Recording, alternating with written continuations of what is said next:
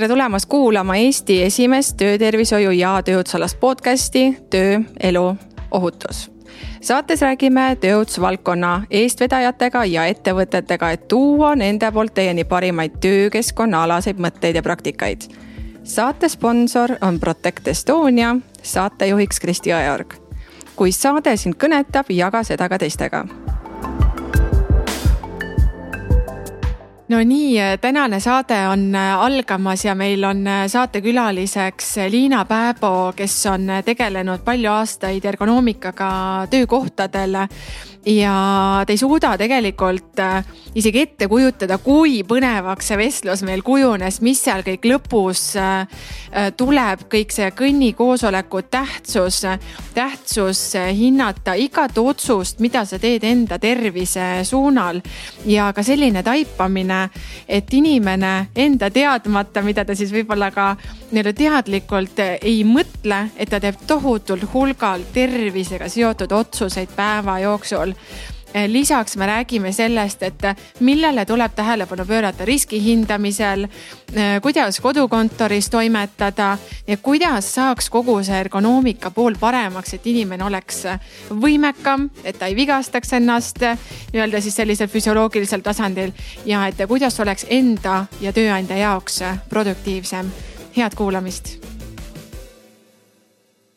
tere, hea kuulaja, taas kord on äh, tohutu siiras rõõm äh, näha ja kuulda ja tunda, et sina istud seal teisel pool ja hakkad kuulama tegelikult äärmiselt huvitavat ja tegelikult Eesti kontekstis ka väga tähtsat äh, teemat. kui me vaatame just kutsehaiguseid Eestis. tere tulemast, Liina Pääbo.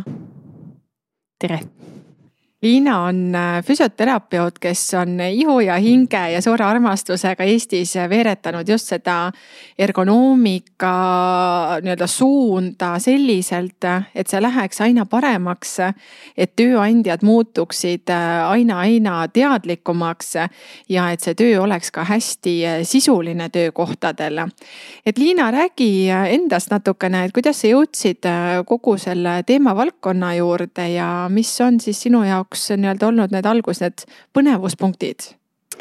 Äh, ma jõudsin tegelikult selle tööteema juurde siis, kui ma olin füsioteraapia magistriõppes ja meil oli selline aine nagu oligi tööfüsioteraapia ja ergonoomika. ja äh, ma, ja ma just hiljuti oma mailbox'ist äh, leidsin üles selle kirja, mille see õppejõud oli, oli mulle kirjutanud, et ähm, ütles, et, et väga hea töö oli tehtud ja et, et võiksite kindlasti mõelda, et sellele, selles valdkonda spetsialiseeruda. see oli, see oli aastal kaks tuhat kaksteist ja see oli siis esimene kord, kui ma nagu hakkasin mõtlema, et okei okay,, tegelikult mulle see ikkagi väga meeldib. ja tol ajal ma töötasin rehabilitatsiooniasutuses et kes ei tea, siis Eestis rehabilitatsioonisüsteemis osutatakse teenuseid puuetega inimestele ja, ja sealt see mõte, et, et äkki midagi oleks võinud ennetada, et äkki vähemalt osad neist ei oleks jõudnud välja siia rehabilitatsioonisüsteemi.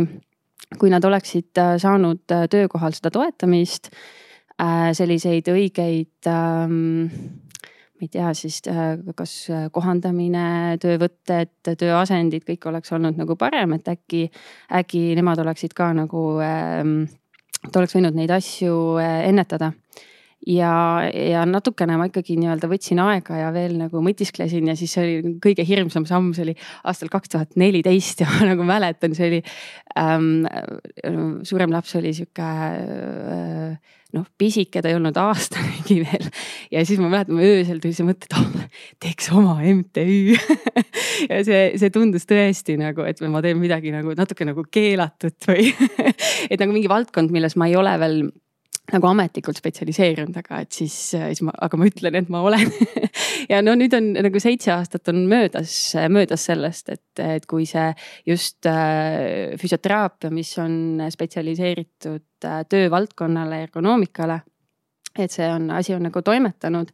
Ja ma olen ise ka nagu väga üllatunud, et kuhu see kõik nagu välja on, on viinud, et kui ma alguses arvasin, et, et ma osutangi seda teenust töötajatele, siis ühel hetkel tuli välja, et ei, ei, et ma osutan seda tööandjale, et ma tegelikult suhtlen peamiselt ikkagi personaliinimestega, töökeskkonna spetsialistidega, ka selliste riigiametite esindajatega, kes vajavad sellist nõustamist sel teemal, et mis see, mis see tõenduspõhine äh, lähenemine siis võiks olla sellele teemale? Väga hea, lähme korra ajajoones äh, nüüd tagasi ja hakkame just kogu seda lugu rääkimagi sellises ennetuslikus äh, võtmes ja just, et ka tuua kuulajani seda, et äh, kuidas see teemavaldkond on arenenud ja mis on need kohad, millele kõige enam tegelikult töökohal tuleks tähelepanu pöörata. et siis töökohal olev ergonoomika aspekt oleks siis hästi korraldatud. et kui sa meenutad nüüd tõesti see seitse aastat tagasi et äh, kuidas sa siis nägid, et kuidas see seis äh, teadlikkuse koha pealt oli ja kuidas siis tegeleti töökohal kogu selle nii-öelda ergonoomika teemaga? Uh, tead, ma arvan, et ma seitse aastat tagasi ei osanud seda isegi niimoodi nagu vaadata, sest ma ise olen nagu kogu see seitse aastat, ma olen olnud sellises õppimise protsessis, et see, mida ma seitse aastat tagasi võib-olla rääkisin, ma seda enam ei, ei räägiks. Küll aga võib-olla see noh, minu jaoks on nagu, mulle meeldib hästi, kui mul on mingisugune nagu tõenduspõhine mudel on mul silma ees ja just selle ennetuse teemaga mina ikkagi noh äh, äh, siiamaani ma, ma joonistan selle pildi, kus on kolmnurk ja siis see kolmnurk on jaotatud kolmeks ja siis see vundament on äh, tegele-, see on nagu esmane ennetus ehk siis, et tegeleda tervete töötajatega, enne kui neil on mingisugune probleem tekkinud, see on tegelikult nagu, see on kõige alus. siis on see keskmine jupp on sealt, et kui inimesel on noh, teisene ennetus, tal on midagi on juba nagu olnud, aga me, me tegeleme selle probleemiga, et see ei läheks nagu krooniliseks ja siis on see püramiidi tipp on seal, seal ongi need puuetega töötajad, seal on krooniliste haigustega äh, töötajad, et sellega tuleb ka kindlasti nagu tegeleda äh,. aga, aga nii-öelda alustada tuleb sealt, sealt kõige alt, et see, see on nagu see selline filosoofiline lähenemine. et, et kõige lihtsam on ennetada siis, kui seda terviseprobleemi pole veel tekkinud. samas, mis on nagu häda, on see võib-olla, et ähm, et äh, siis, kui midagi ei ole häda, siis ei ole ka võib-olla see motivatsioon nii suur, et, et mida, midagi. kas nagu ka seitse aastat tagasi oli täpselt seesama koht, et kus siis tõesti tunduski, et, et kohati vaat tegeletakse siis, kui äh, tekib justkui probleem või keegi tuleb ja ütleb, et tegele või oli ka selliseid vabatahtlikke tegutsejaid ja tegelejaid? Ähm, no vaata, ma arvan, et minu häda on see, et ma kogu aeg tegutsen kallutatud valimiga, on ju et, et need, kes on, need, kes on minuni jõudnud, need juba nagu nad on natukene nii-öelda eesrindlikumad, nad tahavad mingeid asju nagu teha, et, et mulle hästi meeldib, et just nagu äh, võib-olla viimastel aastatel on rohkem hakatud rääkima sellist heaolust. Ja heaolust, et, et just see nagu see füüsiline ja vaimne pool on nagu äh, on koos et mulle see, see lähenemine hästi-hästi äh, meeldib. küll aga võib-olla see, kui, kui me räägime sellisest nagu süsteemsest poolest, et mida äh, noh, mida hästi sageli tehakse, on see, et on ettevõttes, et on, on tervisenädal on mingisugune koolitus ja siis oh jah, et nagu tore olime koos, aga nagu mitte midagi sellest nagu ei juhtu. ja ähm, noh, minu see nii-öelda see öö, nagu soovitus ja on alati olnud, et, et nagu enne koolitust on vaja teha mingeid tegevusi. ja see koolitus on ainult nagu üks osa ja siis sellele koolitusele peaksid järgnema mingisugused tegevused, see on, see on osa nagu süsteemist. et see ei ole nii, et sa saad noh, kasvõi see selline terviseedenduslik, et liigume rohkem et see ei saa olla selline nagu hoogtöö korras, et tund aega aastas ja siis on justkui nagu nii-öelda linnuke on kirjas, et see see ei toimi nii, see peab olema, see on no, nagu äh,, nagu ülioluline on mõista, kui me räägime siis sellisest äh, äh kehalisest heaolust äh,, liha-skeletisüsteemi probleemide ennetusest on see, et, et seal on hästi palju tegureid, mis neid põhjustavad ja sa peadki tegelema nende erinevate teguritega nagu korraga Mm -hmm. ja, ja noh, mind kohati häirib ka nagu see, et kui öeldakse, et noh, et aa, see on see füüsiline pool ainult, aga, aga ma, ma, ma nagu, ma tean seda, et äh, kui, kui vaadata teaduskirjandust, see on nagu nii hästi ära näidatud, et see psühhosotsiaalne aspekt meie nagu füüsilises probleemis on nagu nii tugev, me ei saa, see on nagu kunstlik eraldamine tegelikult. et kui ma tegelen psühhosotsiaalsete Äh, ohutegurite nii-öelda maandamisega, ma tegelikult tegelen ka füsioloogiliste ohutegurite äh, siis aga kui sa nüüd vaatad tõesti, et see oli see seitse aastat tagasi ja nüüd see tänane vaade, et sa enne ka ütlesid just seda, et, et sa näed, et me räägime rohkem heaolust. et kas see heaolust rääkimine on ka näiteks kogu selles nii-öelda mm, ergonoomika maailmas kaasa toonud ka nii-öelda sinu jaoks mingisuguse käitumusliku mustri muutumise, mis on oluliselt äh, mingisugusel suunal nii-öelda võrreldes varasemaga siis muutunud. või et need mõtted või lähenemiskohad või et, et mis seda nii-öelda progressi sa siin näed? Äh, ja ma võib-olla no esiteks muidugi ütleks, et, et mina kindlasti ennast ei, ei julge nagu er ergonoomiks nimetada, on ju.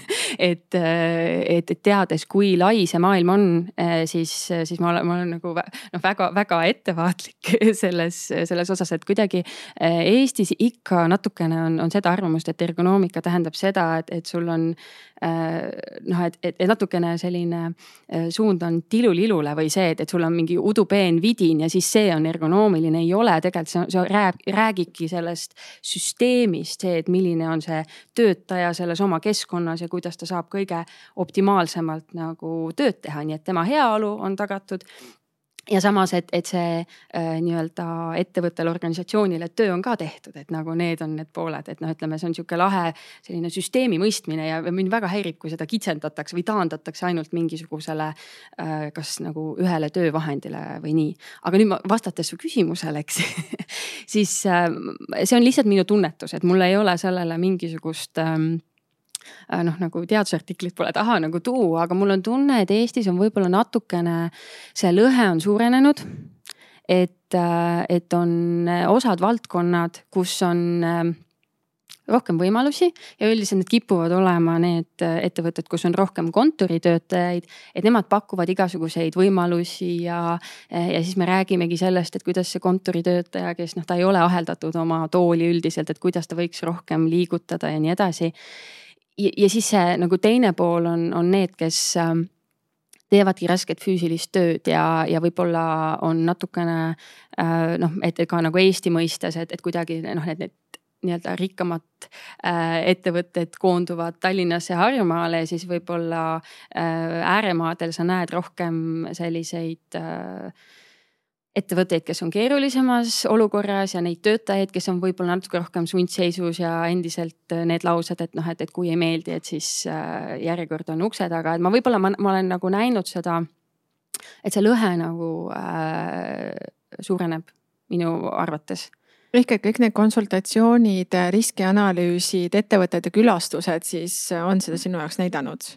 Äh, no ma, ma ütlen, et ma tegelen kallutatud valimiga igal juhul mm, -hmm. on ju isegi nende hulgast siis aga, on selline pilt. ja nende, nende hulgas ka natukene just seda, et, et on osad nagu töökohad, kus kus ongi nagu hästi keeruline, et ma tunnen, et mul, mul ei ole nagu häid nõuandeid anda. peale selle, et te pea, noh, et tuleks tegelikult see töö täiesti ümber organiseerida, sest see on lihtsalt töötajatele füüsiliselt liiga raske ja, ja, ja samas on siis nii-öelda see, see teine pool on need, need ettevõtted, kus äh, töötajaid väga hoitakse, et neil jumala eest, et motivatsioon oleks ja puuviljakauss on laua peal ja, ja üritusi toimub aasta ringi, et, et siis, no ja siis sa mõtled nagu äh, selle noh, nagu nende äh, mõne teise valdkonna töörabajate peal ja siis on natukene nagu hakkab kurb. Aliina, miks sa või mis sa arvad, et miks on väga tähtis tegeleda nii-öelda riskianalüüsi mõistes eh, korralikult selle füsioloogilise ohuteguri uurimisega, sest eh, ma ise olen ka aastate jooksul neid sadu nii-öelda siis näinud, ise koostanud, püüdnud ka aina paremaks ja paremaks saada, aga sinuga ma kindlasti isegi ei ole mõelnud nii-öelda võistelda, sest sul on teaduspõhine lähenemine. Et, et äh, kuidas sa näed, kuidas peaks riskianalüüsis ja miks seda tuleb tõsiselt hinnata? sest minu aus siiras vaade jälle riskianalüüsidesse, et see on nii pealiskaudne ja see ongi see võib-olla see nii-öelda kahjukoht, kus kohas saab tekkida tööandjale see äh, haige töötaja, madalam tootlikkus ettevõtte mõttes ja ka võib-olla siis kahjumite tekkimine. ja kõige suurem kahjum on tegelikult ju kaotada enda kõige suurem ja tähtsam vara, enda professionaalne töötaja ja absoluutselt, ei ma muidugi noh, ütleks kohe, et, et minu meelest see ei ole nagu mingi võistlus, et vaata. mina, mina ei ole selles mõttes nagu riskianalüüsi ekspert, kohe kindlasti mitte äh,. aga kui ma äh, ka olen näinud neid erinevaid äh, noh, et kuidas inimesed on füsioloogilisi ohutegureid hin, hinnanud, siis üldiselt seal on lihtsalt, et sundasend ja, ja tegelikult see on nii üldine, et see noh, selle, sul ei ole sellest, sellega mitte midagi peale hakata et äh, noh, minu võib-olla see esimene soovitus olekski, et, äh, et, et, et kirjuta see nagu lahti või sõltuvalt sellest nagu töö iseloomust, et, et mis ta siis nagu on. et kui see on istumine, et siis, et kuidas see töötaja istub, kui palju ta istub nagu, et, et seal oleks numbrid ka juures, et mitu tundi see siis on. Äh, või kui me räägime raskuste käsitsi teisaldamisest, siis need äh, kohustuslikud komponendid, mitte lihtsalt, et raskuste käsitsi teisaldamine, vaid et, et äh, kui, kui suur see raskus on. et mis, mis see töötempo on nagu, et kui mitu korda seda tööpäeva jooksul, mis see nagu see kumulatiivne raskus on, mida ta teisaldab. kust, kuhu ta seda teisaldab, et kas, kas see on, kas, kas on nagu palavas või külmas, et need kõik tegurid hakkavad mängima ja siit tuleb ka nagu väga hästi see, et, et kuidas no ütleme, et kui see töötempo on, on väga hull, on ju, see on psühhosotsiaalne ohutegur, eks, et, et sul on noh, et sa, et sa pead kogu aeg kiirustama või kui sul on eh, töö külmas, tuleb füüsikaline ohutegur tuleb juurde, et lihtsalt, et need kõik nagu kombineeruvad. ja noh, kuhu mina jõudsin ähm, siin äh, mõned aastad tagasi oligi see, et, et ma äh, hakkasin kasutama teatud instrumente, et kui just nagu selle raskuste käsitsi teisaldamisel.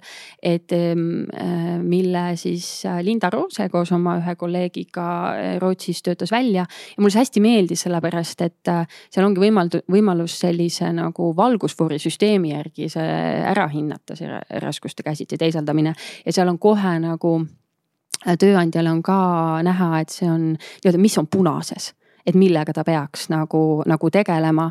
sest äh, eriti kui me räägime sellisest füüsilisest tööst, siis äh, see on töötajale ohukoht, et, äh, et kui noh reaalselt see töö ongi füüsiliselt liiga raske, see peakski nagu mõtlema, et üks inimene ei, ta ei tule sellega toime. et kui näiteks, ma ei tea, noored tugevad mehed ütlevad, et noh, et ma olen tööpäeva lõpuks nii väsinud mitte midagi ei jaksa teha. ja siis ma, ma, ega ma ei hakka talle ju soovitama ka, kuule, aga võiks pärast nagu trenni minna veel. et noh, et sul on nagu see äh, noh, see nii-öelda kohustuslik trenn on veel tegemata, jumala eest, ta teebki nagu päev otsa teeb seda, seda trenni. ja, ja see mm, teema, mis mind nagu hästi paelub, on just nimelt see füüsi-, siis kehalise aktiivsuse paradoks ehk et see nii-öelda koormus tööl ei võrdu see nii-öelda trenn, mida me teeme vabal ajal jah, sest sellest räägitakse, et no tuuaksegi välja, et aga ma ju päev otsa võimlen töö juures. et Liina, võib-olla jah, räägi rohkem sellest, et tihtipeale neid sundliigutusi, sundasendeid, raskuste käsitsi teisaldamisi peetaksegi selliseks trenniks. et aga, et kas see päriselt on trenn, et mina olen aru saanud, et tegelikult ta ei ole trenn, ta on ikkagi inimese pingutus. et nüüd ongi vaja sellist tead-, nii-öelda teadvustatud lõõgastust või sellist nagu õiget kuidagi toimetamist oh, see, see on veel üks hästi suur, noh nagu hästi raske on sellest teemast niimoodi rääkida. et, ähm, et anda inimestele nagu õigeid sõnumeid, sest noh, mis mind tegelikult on väga palju häirinud selle teema juures, on see, kui inimene saab sõnumi, et töö on ohtlik liigutused on ohtlikud. jumala eest, ära sa kumera seljaga midagi tõsta, et siis läheb, kõik läheb katki. et, et noh, et me, me, et ma, et inimene ei peaks saama seda sõnumit, et ta keha on habras ja et, et, et kõik see, mis ta teeb, on, on ohtlik, sest tegelikult me teisest küljest me teame, et töö on teraapia et see nagu liigutamine on hea, aga võib-olla nagu, kus on see nii-öelda tasakaalupunkt on seal, et, äh, et tööl ka, et kõik need liigutused ei ole ühesugused eks. ja, ja et see, et see raskus ei ole liiga suur ja et mul on piisavalt nagu taastumisaega mm,. Et... teeme, teeme korra sopi, mis on liiga suur raskus ja piisav taastumisaeg, mis asjad need on? Oh, aga, aga vaata, seda ongi raske öelda, selle jaoks tulebki esmalt nagu ära hinnata, mida see inimene täpselt teeb oma, oma tööpäeva jooksul. ja, ja võib-olla see eh, noh, esimene küsimus peakski olema, milline see sinu tüüpiline tööpäev on et, eh, et, et noh, mida, mida sa, mida sa teed selle päeva jooksul, et. ja siis ma koolitustel kuulengi oh,, pean hakkama lugema ära neid telliskive. kas ma pean nüüd siis ära lugema need kordused, kui palju ta oma käega neid liigutusi teeb?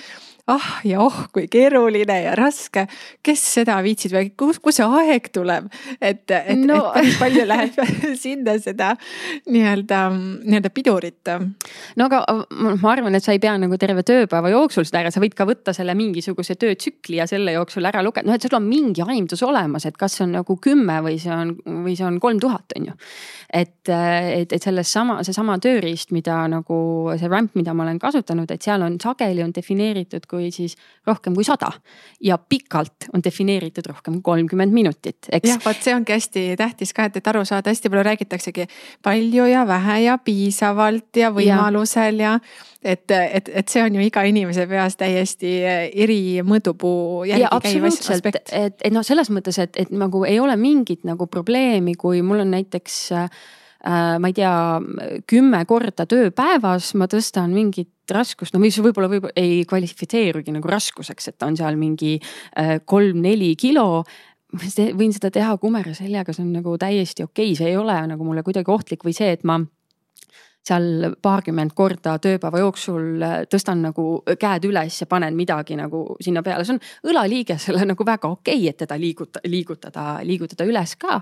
aga kui see ongi, et mul on rasked asjad ja ma teen seda ikka nagu sadu kordi, siis on, siis on see hetk, kus võib-olla mingisugused äh, meie keha struktuurid saavad ülekoormuse ja, ja nagu see liigutus on nagu noh, liiga, liiga ühetaoline, sest no mida öeldakse ka jälle selle nagu trenni ja, ja töö erisusena on see, et me trennis, et on siiski need liigutused on mitmekesisemad äh,. hõlmavad nagu ikkagi noh, suuremat liikuvusulatust, aga, aga tööl võib-olla tehakse rohkem noh, et on, on tõesti selline noh väga-väga. väikse amplituudiga jah, et nii-öelda selline no võib-olla tihe vaata, kui sa mingisugust kruvi kuskile keerad. et trennis sa vaata niimoodi sellist liigutust tõenäoliselt ju ei teeks, eks. ja absoluutselt ja, ja noh, eriti ja kui mõelda selle füüsilise töö peale veel, et siis noh, töötajad üldiselt oskavad päris hästi öelda, et palju samme nad tööpäeva jooksul äh, läbivad, et ka see on päris hea indikaator, et kui see on juba ähm, ma ei tea, ta on üle kahekümne tuhande, siis annab nagu märku, et, et seda on päris palju eriti kui see on betoonist põrandal ja turvajalatsitega, et siis see tegelikult on jalgadele suur koormus, et võib-olla võiks mõelda sealt, et kuidas saaks natuke vähendada Äh, siis ka see, et, et kui no osad on siuksed väga teadlikud, neil on juba pulsivööd on peal ja, ja mis on tegelikult nagu noh, jälle füüsiline töö, mis on sellele nagu töötajale ohtlik või mis ei ole tema südame-veresoonkonnale hea. On see, kui on nagu see kogu tööpäeva jooksul on see vererõhk on nagu kõrge ja, ja pulss on kõrge. sest kui me nagu teeme trenni, siis äh, see on nagu väga hea, kui, kui ta läheb nagu, läheb üles, aga ta tuleb alla tagasi, sest me taastume. ja, ja siis ongi see, et, et selle raske füüsilise töö puhul äh, tõenäoliselt tuleks siis sisse seada mingeid lisapuhkepause ja need ja, ja mitte nagu nii, et see puhkepaus on täidetud ainult suitsetamisega, mida, mis on ka sageli nagu, nagu teema. et isegi sellised trendid, et in, nagu töötajad ütlevad, et ma suitsetangi tööl palju rohkem, sellepärast see on ainus nii-öelda legitiimne viis, kuidas, kuidas pausi teha ja.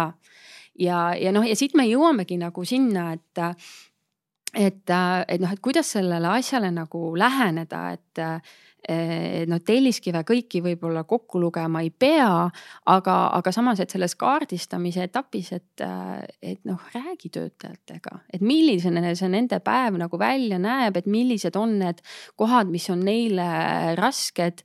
Eh, vaata, et mis on need asendid, kus nad nagu väga palju on, mis on need liigutused, mida nad väga palju teevad, et sealt nagu peaks see info tegelikult kenasti kokku tulema ja, ja siis sa saad mõelda, et kuidas nagu süsteemselt neid asju teha, sest noh, nagu järgmine teema, mis, mis mind nagu ähm, noh, kuidas ma ütlen viisakalt, et äh, häirib nendes riskianalüüsides on see, et, et sul on siis see füsioloogiline ohutegur on kirjeldatud, sundasend, rohkem midagi ei ole, on ju.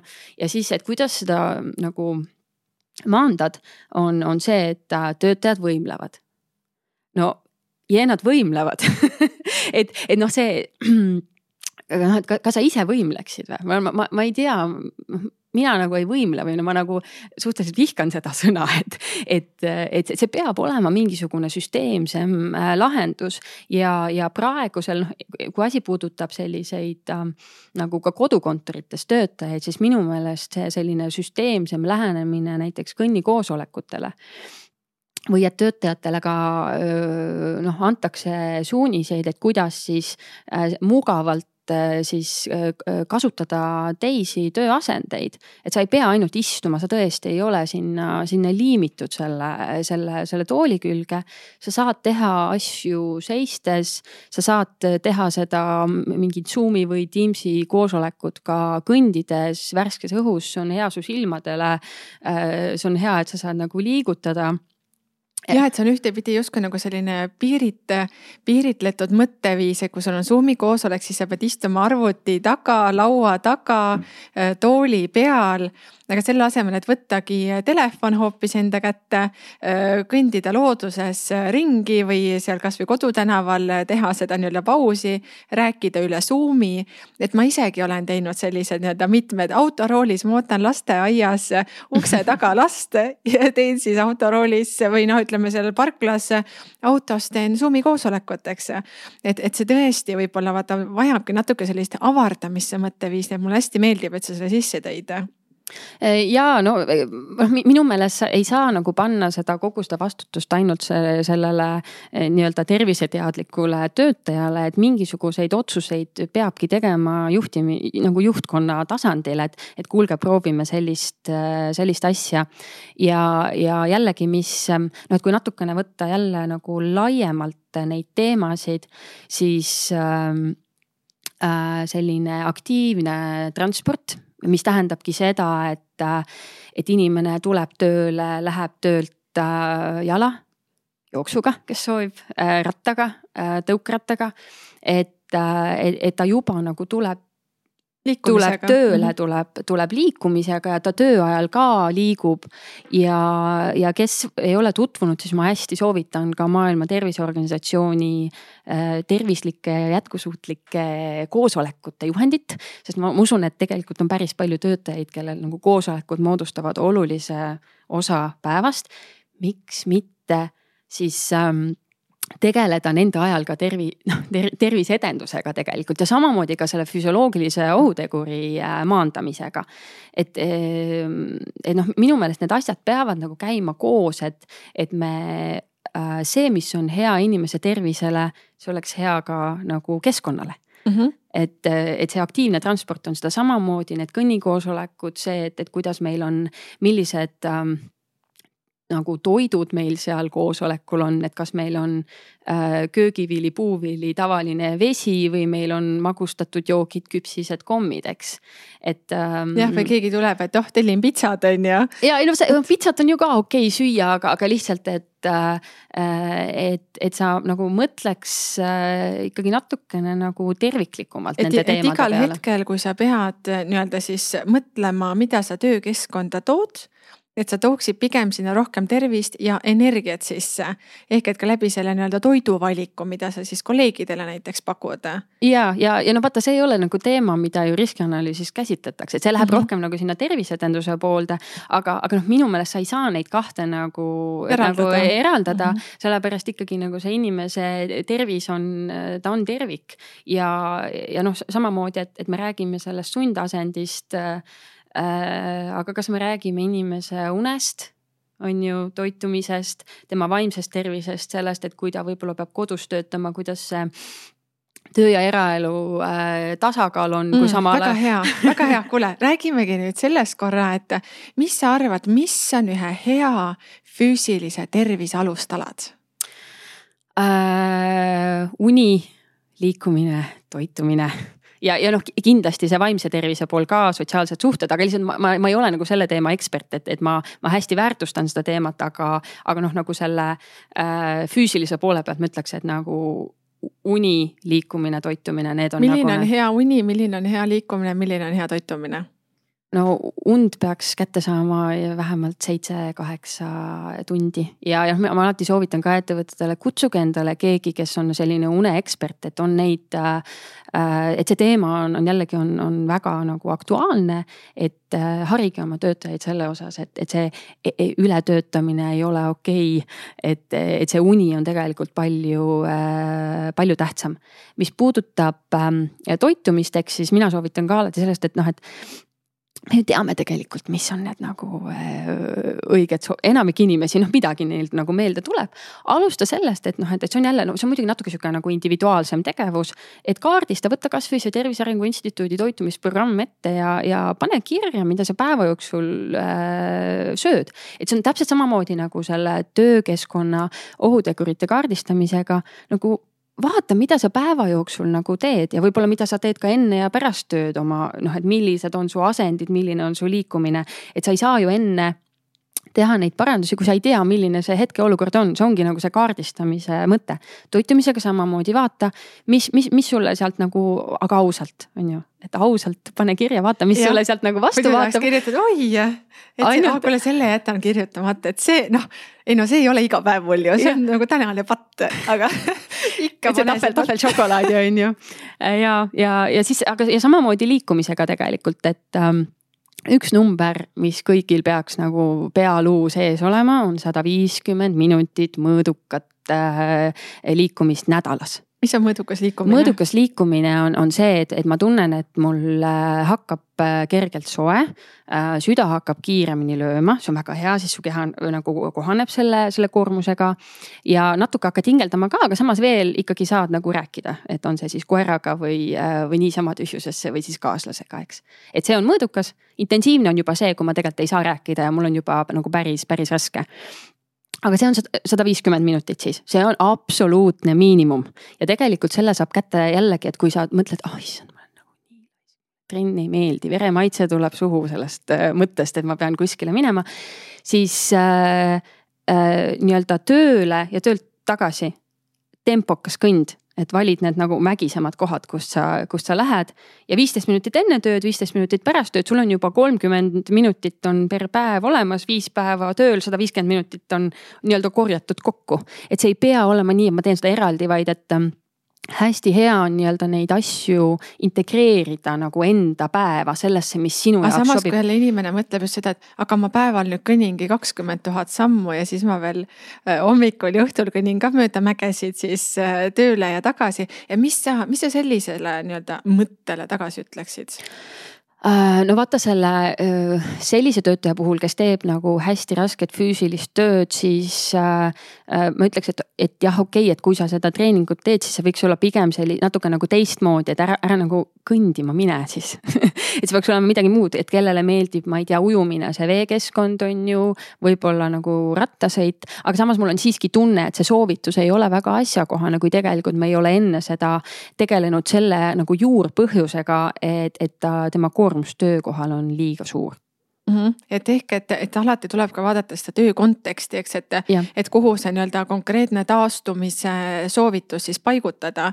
et see tööle ja koju tuleks siis valides siis natukene huvitavamaid ja kõrgemaid radu, ütleme niimoodi. sobibki siis võib-olla sellisele kontorikeskkonna inimesele hästi. Äh, ja, ja, ja noh, kontoritöötajatele mina äh, soovitan alati seda, et, et kuna teil äh, te ei saa nagu mingit intensiivsust selle päeva jooksul ja noh, enamik inimesi jälle ma nagu lasen inimestel kokku lugeda, palju nad päeva jooksul istuvad. mitte ainult siis äh, tööl, aga vabal ajal ka. ja kontoritöötajatel enamasti see on seal üksteist, kaksteist, isegi noh, kolmteist, neliteist tundi, et äh, seda on päris palju tegelikult. pool äh, põhimõtteliselt kahekümne neljast tunnist võib-olla. nojah, et kui sa magad seal on ju nagu äh, kaheksa tundi, sul jääb kuusteist tundi ärkvelolekut ja sellest, sellest tegelikult võib-olla sa noh, üksteist, kaksteist tundi äh, istud siis noh, mõtleme, et palju seda selleks nagu aktiivsuseks jääb aega. ja siis ongi nagu see minu soovitus, et aga vaata oma tööpäev selliselt läbi, et millised nagu passiivsed osad sa saad muuta aktiivseks. Noh, needsamad süsteemsed kõnnikoosolekud, no kasvõi tee kord nädalas esialgu, kui tundub nagu liiga hull. Ja, ja siis vaikselt vaata, kust sa saad, see aktiivne transport jälle üks viis, kuidas sa saad seda teha. Äh, siis need ka nagu kodused tegevused, võib-olla selline passiivne aeg lähedastega muuta aktiivsemaks, et ei pea ju kõik koos telekat vaatama, võime ka kõik koos mingit äh, mängu mängida, on ju. et aga iga inimene saab vastavalt siis oma eelistustele saab neid nagu siukseid asendusi hakata tegema, kus ma saan selle passiivse aja asendada äh, aktiivsega. aga ma jäin vaata nende liikumissoovituste juurde, et see sada viiskümmend on miinimum. veel parem on kolmsada minutit nädalas. ja, ja siis on ka tegelikult see soovitus, et kui sa teed intensiivset, mitte mõõdukat, siis sa saad hakkama poole vähema ajaga, et see on siis nii-öelda laiskade variant. Et, et kui sul ei ole mingisuguseid vastunäidustusi, eks, et sul ei, ei ole võib-olla noh, mingeid südame-veresoonkonna probleeme, et sul on noh, selles mõttes on nagu okei okay seda intensiivsust tõsta, siis julgelt seda nagu võib teha, et siis saab hakkama, kas seitsekümmend viis minutit on see miinimum, aga see on siis intensiivne tegevus. Ja kindlasti peaks lisanduma ka vähemalt kahel päeval nädalas lihastreening, et see on ka ülioluline, sest ähm, noh, varasemalt oli kogu aeg see, et nii, et sul on sundasend, et siis venita, eks ole, ma arvan, et sa oled mhm. ka, ka väga paljusid mm -hmm. riskianalüüse lugenud selle, selle kohaseid. et tegelikult on niimoodi, et, et mida tugevam on lihas, seda paremini ta sundasendit hoiab ja eriti noh, et on, on need äh, kaela-õlavöötme probleemid, siis tegelikult tulebki neid lihaseid tugevamaks äh, treenida mm. -hmm. aga see on nii-öelda siis, see on siis see nagu töötajapoolne tegevus. aga, aga millega noh, võiks ka tööandja mõelda, et kuidas ma seda tööd niimoodi disainin, et, et, et see ei ole ainult nagu istumine et, et üldiselt on ju see, et, et meil noh, nii-öelda see, see põhitegevus on nagu fookuses. et see, et, et kui nagu mis asendites ma tööd teen, et see kipub nagu meelest ära minema. aga kui noh, nagu tööandja võib-olla ütleks, et okei okay,, et, et, et mõelge nüüd igaüks noh, et kes on võib-olla mingid tiimijuhid näiteks, et tiimijuhtidele ülesanne, et mõelge, et kuidas te saaksite vähemalt mingi paar tundi nädalas muuta passiivsest aktiivseks mm. -hmm. et sellised ideekorjed, inimeste kaasamised, aga just, et, et aktiivselt mõelda selle teema peale. et äh, mitte siis jah, keskenduda sellele, et töö saaks tehtud, vaid et ka töö tegija oleks selle kõige juures siis äh, ka õnnelik, terve äh,, rahulolev. võtame korraga selle kodukontori teema, et, et see tundub, et hakkab siin ikka kõvasti hoogu koguma üleüldises kontekstis. et Liina, mis sina arvad, et kuidas siis kodukontoris jääda terveks, mis on need aspektid, millele tuleb tähelepanu pöörata äh,? noh, kindlasti tuleb endale selline võimalikult mugav äh, töökoht tekitada, võimalusel eraldi, aga no. mis me... on võimalikult mugav töökoht äh,? no ma, ma, ma nagu, ma, ma üritan hästi, mõelda hästi praktiliselt, lähtudes sellest töötajast, kellel võib-olla tal ei ole väga palju äh, ressursse. aga et sul on mingisugune tool ja laud võiks äkki olla äh, aga, aga samas, et kui sa leiad ka sellise kapipealse või isegi tõesti inimesed teevad ju triikimislaua peale, panevad omal äh, nagu läpakad, muidu see kipub natuke nagu madal olema. aga, aga et sul on selline koht, kus, kus sa näed oma, et su ekraan ei oleks nagu liiga madalal. ja noh, kuna paljud teevad, eks üle arvutiga tööd, siis seal on, see on, on, ongi see selline nagu kompromissi koht, et kui mul on nagu ekraan on õige koha peal on nagu piisavalt kõrgel, et mul on nagu pea on otse, et siis, siis on mu kätel ebamugav. ja kui mu kätel on mugav, et ma saan nagu küünarnukid nii kenasti nagu ära toetada, et, et siis, siis on võib-olla see äh,, siis on jälle nagu halb vaadata noh, et siis ongi, et võiks tegelikult noh, et see vahetamine on hästi oluline, sest ja muidugi kellel, kellel on selline tööandja, kes võimaldab need eraldi eh, kuvarid ja klaviatuurid kõik nagu eh, koju, koju tuua, see on super, aga, aga noh, enamik ei, neil ei ole selliseid võimalusi, et võib-olla seal tegelikult seal kodus ongi, et, et sul on eh, ma ei tea, kaks-kolm koolilast, kes ka vajavad mingit seadet, on distantsõppel ja siis on need vanemad, no ei ole neid seadmeid ju nii palju võtta, et siis tuleb, tulebki leida neid kompromisse. aga, aga noh, mina, ma hästi soovitan seda, et, et äh, kasuta neid, tee neid erinevaid töö, kasuta neid erinevaid tööasendeid et sa äh,, okei okay,, vahepeal oled diivani peal, siis on sul see tool ja laud, siis lähedki õue kõndima, kui võimalik, et ähm,. vahepeal saad, saad kõhuli olla, vahepeal saad, saad niisama pikutada, et, et äh, noh, ka äh, kükk, kükkasendis ja põlvili asendis, noh, et, et, et tegelikult neid äh, neid variante on, aga. aga kui pikalt vaata võiks olla selles ühes äh, asendi variandis ja millal võiks pausi teha?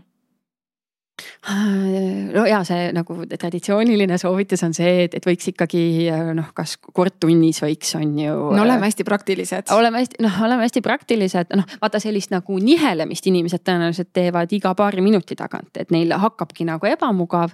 Eh, kui inimene ei ole harjunud eh, seisma tegelikult, ega ma seda ka ei soovita, et päev otsa seista, sest eh, noh, nagu jalad väsivad ära, selg väsib ära. et, et alustadagi võib-olla, et, et kas noh, see üks tunniajane koosolek või siis isegi noh, nagu pool tundi selle, selle seismisega. aga noh, seismise ajal ka saab natukene nagu äh, liigutada, sammuda koha peal, et äh, äh et see noh, ma ikkagi ütleks seda, et kui, kui sul ei ole nagu neid noh, tipptasemel äh, vahendeid kodus, et siis äh, asendivahetus on, on see, mis sind, mis sind päästab ehk asendivahetus, pauside tegemine. treening vahepeal, kui võimalik, on ju. Mhm. et ma ise ka olen sellega nüüd kuidagi viimasel ajal mm, päris palju kokku puutunud just, et, et kui sa tegelikult noorest east peale pidevalt nii-öelda noh, kas siis ongi niimoodi piisavalt siis treenid, eks iseenda jaoks, et sa tõesti äh, tunnedki, et sa saad rääkida koeraga ja õuega ja iseendaga ja võib-olla ka naaberkõndijaga. et ongi selline piisav mõnus treening. ega see tegelikult tuleviku mõistes hoiabki äh, ka sinu nii-öelda kerelihas või kere sellises õigemas positsioonis. ja samas, kui ka olla kodukontoris äh, töötaja, et kui sa teed seda treeningut, et sul tegelikult on ka nendes erinevates asendites siis olla palju mõnusam ja kui sul erinevad kerelihased on treenitud või toetavad sinu nii-öelda luustikku palju paremini ja no muidugi ma ütlen seda, et noh, et, et äh, lösutada on täiesti okei okay,, eks. aga, aga absoluutselt jah, et, et, et äh, mida tugevam on lihas, seda paremini ta nagu äh, hoiab, hoiab meid, meid üleval, et ähm, et häda võib-olla ongi selles, et kui ma noh, et, et kui ma olen nagu nii nõrgaks jäänud ja ma ainult nii-öelda nagu ripungi oma, oma keha küljes, vaata. et aga noh, kindlasti ei pea ka kodus sellist väga nagu sõjaväelist, et ma nüüd olen hästi nagu sirge seljaga kogu aeg, et ei, see, see ei ole nagu eesmärk, aga vaheta, vaheta, vaheta.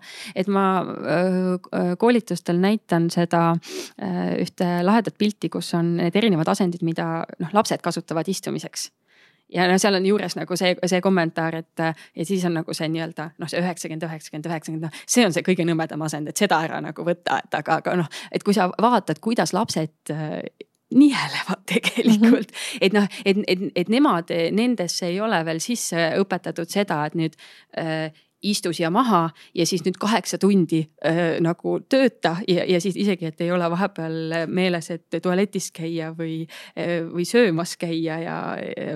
minu arust nii äge, et sa tood selle sisse, sest kui me nüüd võrdleme ausalt öelda täiskasvanud ja last, kes on tüüpiliselt õnnelikum no ikka laps ja muidugi et, et kui tema sa to, oma toimetamiste sellise säbelemise juures, aga tal ei jää midagi tegemata selles mõttes, kui me mõtleme niimoodi, et kui täiskasvanul on tema töö, mis on vaja ära teha lapsel on tema mäng, mis on vaja ära teha ja see ei jää mitte kunagi tegemata ja kogu aeg on ikka mängust veel puudu, eks, et tahaks veel teha. aga kogu selle nihelemise, toimetamise, jooksmise vahele siis tegelikult nii-öelda täpselt siis mahubki see nii-öelda ideaalne mängimise ehk ka see töö ärategemise aeg, on ju ja, ja noh, kui vaadata, lapsed ju tegelikult ka noh, kasutavad näiteks seda sügavat kükki äh, päris palju mängimiseks. noh, muidugi see läheb võib-olla natukene nagu teise teemasse, aga miks see aktiivne transport jälle minu jaoks on nagu hästi oluline, on see, et, et ma äh, nagu näen seda, kui palju vanemad viivad autoga ära oma lapsi kooli ja lasteaeda ja, ja jääb puudu see aktiivne lasteaia ja, ja koolitee, mis on nii oluline, sest kui me neid ei õpeta see, et, et neil oleks see harjumus, et neil oleks liikuv eluviis oleks nagu selline norm.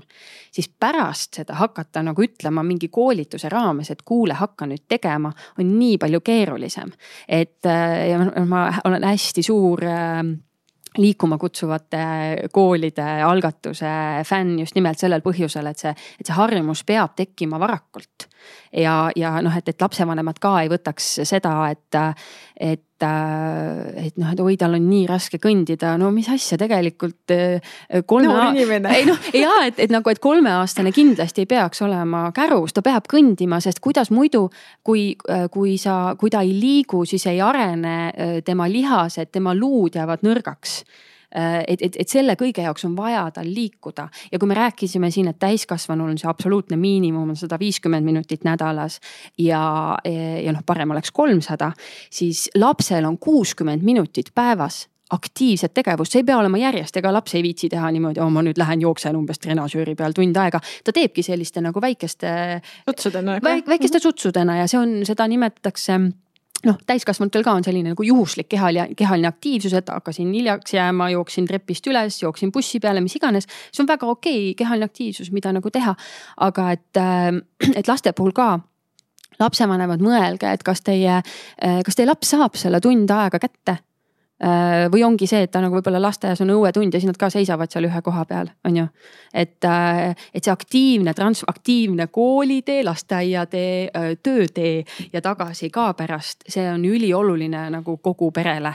no vaata, sellepärast see ongi minu meelest nagu tervik, see, et me mm -hmm. noh, see, et, et on selline tervist edendav, loodusele hea, et ei ole nagu kakskümmend tossutavat autot seal on ju kuskil kooli või lasteaia juures nagu ootamas, et, et see, see, see kõik kõike tegelikult on. ja töökohal täpselt samamoodi, et, et kui vähegi võimalik, saad ju liikuda siis aktiivselt tööle, et ei pea ka autoga tulema. muidugi siis siin saab ilmastikuolusid vaadata, aga tihtipeale öeldakse, et pole halb ilm, on valed riided, eks. ei no ja ei, ma, ma saan sellest nagu täiesti aru, sest noh, ma ise ka niimoodi äh, äh, hambad ristis sõidan mäest üles rattaga äh, hommikuti, no praegu nüüd enam mitte, sest äh, lume tõttu siis ma käin jala aga, ja no ongi vahepeal, ongi vahepeal ebamugav, aga, aga noh, see, see ei kaalu nagu äh, üles seda, et, et kui sa oled noh, sa oled selle otsuse teinud. ongi see lähen... teadlikkus sinu peas, sa oledki tõesti teadlikult aru saanud, miks sul seda vaja on, mitte ei lähe kaasa selle igapäevase äh, nii-öelda mugavusega ja just ka see olevikus elamine, et mida ma tänasel päeval nüüd ja praegu saan enda tervise jaoks ära teha niimoodi, et ma olen homme ka vitaalne, elurõõmus, aktiivne. mul kõik nii-öelda siis lihaskond töötab, mul on hea olla, sest et kui ma jätan selle homsesse plaani, et homme ma lähen rattaga, täna jälle sõidan autoga, siis ega ju midagi ei muutu absoluutselt, no see tegelikult, kui, kui inimene hakkab mõtlema, et kui palju ta teeb äh, päeva jooksul äh, tervisega seotud otsuseid Neid on väga palju ja noh, et, et sa võib-olla, sa ei peagi nagu sada protsenti tegema nagu alati neid õigeid, aga tee vähemalt natukene, tee iga päev natukene neid otsuseid.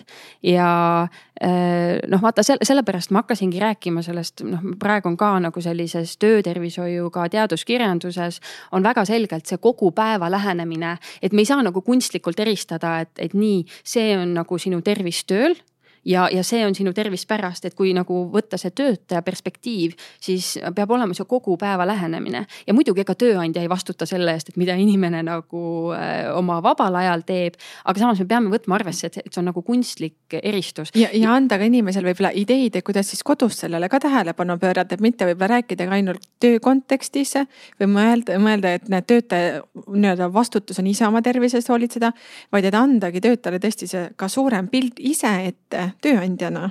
Äh, ja täiesti, täiesti nõus. Ja need äh, noh, ma ütlen, et mm, äh, mul natukene on selline nagu tervisenatsi kuulsus või et, et nagu, et, et noh, ühel hetkel vaata, kui, kui on nagu äh, see, kui on kasvõi nagu üks inimene kollektiivis, kes alati läheb trepist, siis teised hakkavad ka minema trepist need on väiksed asjad, aga tegelikult see on jälle, see on see nii-öelda see, need väik-, väikesed, võib-olla paariminutilised ampsud, kus sa saad oma pulsi üles, eriti kontoritöötajana, mine kasvõi jookse seal, ma ei tea, kas ma seda tohin öelda, vaata see on tööohutuse mõttes, et. kukud trepil vaata vahepeal jooksmist no,. vaata noh, ongi, ongi see, et, et, et, et kohati on need nagu käärid, et me tahame. kerge põlvetõste noh, niimoodi. kindlasti hoia, hoia on ju trepi käsipuust kinni kui sa seda teed et aga, aga ühesõnaga jah, see, et, et, et võtta see nagu kogu päeva lähenemine ja mõelda nagu, mis on need, milline on see minu päev ja kus ma saan teha neid tervislikke valikuid. ja et, et kui ma nagu nii-öelda trenni trenni ei jõua, siis kuidas ma saan kasvõi tööpäeva kestel neid väikeseid selliseid liikumisampse saada, sest natuke on parem kui, kui mitte midagi väga hea, meil on nüüd äh, täis saanud äh, põhimõtteliselt tund ja mm, mida ma nüüd sulle, hea kuulaja, siin sooviksin südamest anda ülesandeks. et, et nüüd peale seda, kui sa just ära kuulasid selle podcast'i, siis äh, nüüd sellest järgnevatel hetkedel kuni siis õhtu saabumiseni, kui sa siis juhuslikult null, null, null, nulli lähedal ei kuulanud seda. et siis millised on sinu teadlikud terviseotsused järgneval siis ajal. et püüa neid hästi teadlikult nüüd märgata, et ole kohal äh, nii-öelda ole olevikus, märka, mida sa teed, märka, mida sinu otsused sinule kaasa võivad tuua ja märka, mida sa võiksid teha teisiti. on nii, Liina? absoluutselt jah. väga hea ja mida ma alati küsin äh, iga podcast'i lõpus siis, Liina, mida sa soovid öelda tööandjatele äh,? Võtke seda terviseteemat tõsiselt, et see ei, see ei ole ainult nagu linnukese, linnukese pärast, vaid et kui teie võtate seda tõsiselt ja, ja tähtsustate seda et siis ja, ja ise elage seda, et kui, kui teie nagu nii-öelda sõida, sõidate autoga treppi, et siis miks peaks nagu töötaja tegema teistmoodi, et see on minu meelest nagu A ja O, et võtke ise seda teemat tõsiselt. ja teiseks kaasake oma töötajaid, sest noh, mulle hästi meeldib see lähenemine, et inimene on oma töö ekspert ja tal on hästi palju lahendusi. et ei ole nii, et keegi peab kuskilt tulema ja hakkama nagu näpuga viibutama, vaid just see inimene ise, kui kui, kui teda nagu toetada selles protsessis, et ta hakkaks mõtlema just nimelt, milline on see minu päev, milline on see minu tööpäev, mida ma saaksin äh, teha paremini, just nimelt need teadlikud valikud, tervislikumad otsused. ehk siis esiteks see, et tööandja äh, tähtsusta seda teemat ja võta midagi ette ka sellega. ja teiseks, et ära tee seda kuskil kabineti sügavuses, vaid räägi oma inimestega, sest neil on nagu hästi palju lahendusi on juba tegelikult selles töökeskkonnas nagu olemas, et ei ole isegi, sageli ei ole vaja seda välist eksperti, vaid et inimesed võib-olla mingisuguse natukese nagu nügimise ja tõukega suudavad need paljud probleemid ise nagu ära lahendada jah, et ideed ja vastused on tegelikult töökeskkonnas inimeste peades kõik olemas, kui lihtsalt kaasata. jah, absoluutselt Liina, mida sa soovitaksid töötajatele? töötajatele ähm, nii-öelda alt üles äh, nügige samamoodi seda, seda teemat, noh, et, et on mingid asjad, mis te saate väga kindlalt nagu ise ära teha äh,. aga mm, kuidas ma ütlen ähm, et ühesõnaga jah, et, et, et see, mida te saate ise ära teha, seda tehke, aga andke ka mõista tööandjate, tööandjale, et, et need, need teemad on olulised, et ka tema seda teeks. minu meelest nagu need kaks poolt peavad olema nagu täidetud selleks, et, et midagi nagu päriselt äh, juhtuks seal äh, töökeskkonnas ehk et kui sinu enda jaoks isiklikult tundubki mingisugune töö koormav, füüsiliselt raske, sa päris ausalt, mitte siis nii-öelda viilimise mõttes, eks ausalt tunnedki, et tõesti. ma tööpäeva lõpus tunnengi, et ma olen nii läbi, ma olen nii väsinud ja tegelikult ma ei jõua taastuda sellest täiesti nii-öelda ausalt ka selle öö jooksul. et järgmine hommik siis tagasi tulla ja täpselt sama trammi peale astuda nii-öelda. et siis, et see info on nii tohutult äh, tähtis ja kui sina ei räägi, siis võib juhtuda, et keegi ei tule küsima ka, võib-olla nii et ehk, et ka see ise rääkimine on nii tähtis. ja, ja mulle nagu hästi meeldib selline noh, nagu meetod nagu fotosafari ehk siis, et kui töötajad ise äh, näiteks äh, hakkavadki märkama neid äh,, neid olukordi äh, et, et kus tegelikult võiks nagu paremini, et neil on nagu silm on treenitud selle jaoks nagu mõtlema, et aa, et äkki me saaksime siin nagu tervislikumalt äh, teha.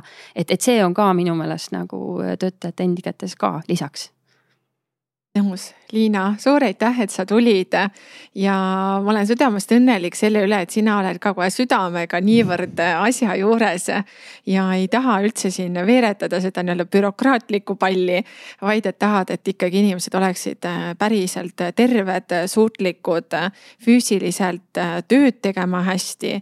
et ka iseendale nii-öelda seda väärtust ka nii-öelda väljaspoole nii-öelda tööaega tekitada, sest et kui ju töö ära väsitab, ega siis aeg ja panus iseendale ka ju selle võrra oluliselt väheneb, siis lihtsalt ei jõua, nii et suur aitäh sulle, et sa tulid ja hea kuulaja Äh, usun, et said siit äh, terve nii-öelda paberitäie mõtteid, et pastakas kribas kiiresti kõik need head mõtted äh, üles ja, ja soovin, et sa siis ka hakkaksid neid asju oma töökeskkonnas märkama ja rääkige omavahel ja nii leiate kõige paremad lahendused. suur aitäh, Liina. aitäh kutsumast